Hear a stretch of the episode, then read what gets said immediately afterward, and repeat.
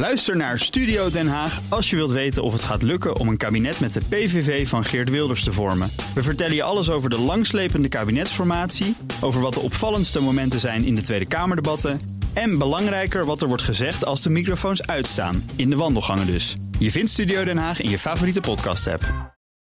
7 voor 9. Nout Broekhoff eh, die staat hier eh, aan de keukentafel. eh, Goedemorgen. Nout, met de auto-update. Ja, De autoverkoopcijfers van oktober zijn binnen. En net. Echt net in de mailbox gekregen. Dik in de plus, eh, Bas, meldt uh, Almacon. 34.101 nieuwe auto's op kenteken gezet. Dat is een plus van 14,6 procent.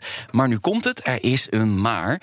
Dit is een totaal vertekend beeld van de automarkt. Want vorig jaar, als we even een eh, jaartje teruggaan... net na de zomer werden nog heel veel auto's uit voorraad geleverd. Vlak voor 1 september. Want Ja. toen ging die nieuwe testcyclus in. En daar waren niet alle eh, fabrikanten toen op voorbereid. Dus ze hebben toen heel veel voorraadauto's verkocht. Dus dit is een totaal vertekend beeld. En waarschijnlijk eh, gaat het de richting eind van het jaar nog een beetje oplopen vanwege de elektrische auto's. Hè. Vanaf 1 januari gaat de bijtelling veranderen. Precies, ja. Maar waarschijnlijk gaan we dan weer. Naar beneden. Naar beneden, Precies. Dan gaat eh, de FC PSA eh, van start. Ja, Fiat Chrysler en Peugeot Citroën eh, en Opel dus. Houdt de gemoederen bezig. In de autowereld zijn er, zijn er ontwikkelingen. Want ze hebben nu gezegd, we hebben een openlijke vrijage. Ja. We gaan samen, we gaan fuseren. Wat betekent dat? Sindsdien radiostilte. Ja. Ze zijn nu bezig aan een intentieverklaring. Die zou binnen nu en twee weken naar buiten kunnen worden gebracht. Ik denk wel dat dit een ultieme reddingsboei zou kunnen zijn voor Fiat Chrysler. Die Carlos Tavares, dat is de grote baas van PSA. Die is zeer bekwaam. Eh, ik ben een keer bij een presentatie van hem geweest. Hij heeft echt een, een koers, een visie. Hij wil ergens naartoe en hij gaat dat dan ook uitvoeren. En dat, dat is eigenlijk waar het een beetje bij ontbreekt bij Fiat Chrysler. Die hebben altijd hele grote plannen. Echt al vijf, zes grote plannen gehad. En dan het uitvoeren ervan.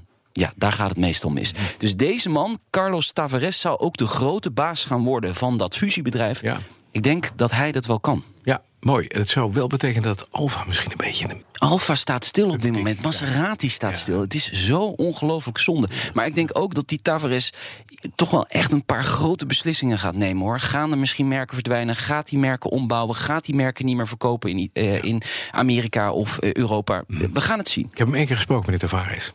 En dan speelt toch altijd door je hoofd van Heaven must be missing an angel. Ik wou net zeggen, ja.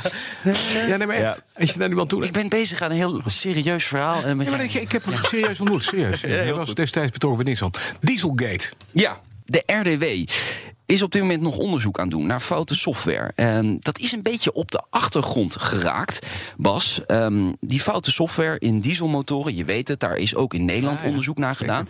Daar kwamen twee dieselmotoren van Fiat Chrysler niet heel erg lekker uit. Dat waren de Jeep Grand Cherokee en de Suzuki Vitara. Daar ligt dus ook die Fiat Chrysler motor in. En ze worden verdacht van Schumel-software. Komende maand, zegt Nieuwsuur, komt er een onderzoek naar buiten van de RDW. Waar ook eh, het Openbaar Ministerie eh, bij mee heeft gekeken.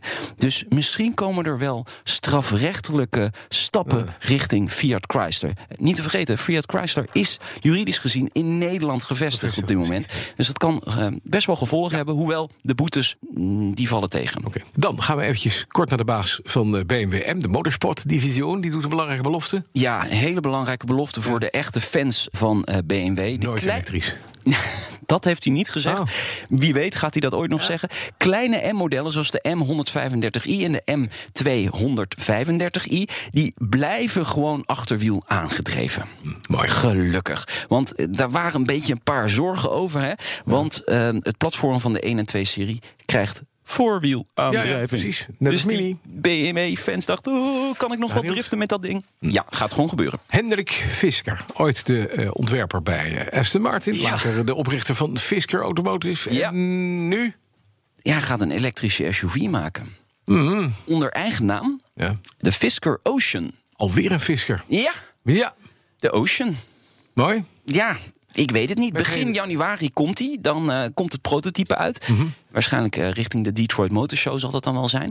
En eh, je kunt hem eind deze maand al bestellen. Dus hij heeft wat foto's gereleased. Mm, voor een designer vind ik het niet echt heel erg knap wat hij heeft gedaan. Ik vind het niet zo mooi. Nee, I smell something fisky. ja, dat ja. In de ocean, dat krijg je ook, natuurlijk. Hij heeft wel weer, hij heeft wel weer de zonnepanelen eh erop Ja, gelegd. Dat heeft hij ook ook bij de Fisker eh, hij Karma bij de. Karma. Ja. Fisker Shawarma. Wat doen jullie vanmiddag in de Nationale Autoshow? We hebben de allergrootste autodealer van Nederland te gast. De Van Mossel Autogroep. Mhm. Interessant verhaal, want waar zij nu tegenaan lopen is... de verkoop van nieuwe auto's valt toch wel een beetje tegen Ja. dit jaar. Dus zij gaan vol inzetten op occasionverkoop. Zij gaan het aantal eh occasionbedrijven in Nederland Ja. verdubbelen. Dat kan. En dat willen ze toch wel meer dan 30.000 occasions per jaar gaan Vieze diesels.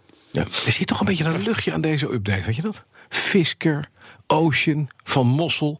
We gaan het zien. Vanmiddag om drie uur nieuwe aflevering eh, met eh Meindert eh, en, en Wouter. Ik ga aan de haring. Dank je. BNR ben je altijd als eerste op de hoogte van het laatste nieuws. Luister dagelijks live via internet. Bas van Werven. En heel langzaam komt de zon op rond dit tijdstip. Je krijgt inzicht in de dag die komt op BNR, het Binnenhof in Nederland en de rest van de wereld. De Ochtendspits. Voor de beste start van je werkdag. Blijf scherp en mis niets.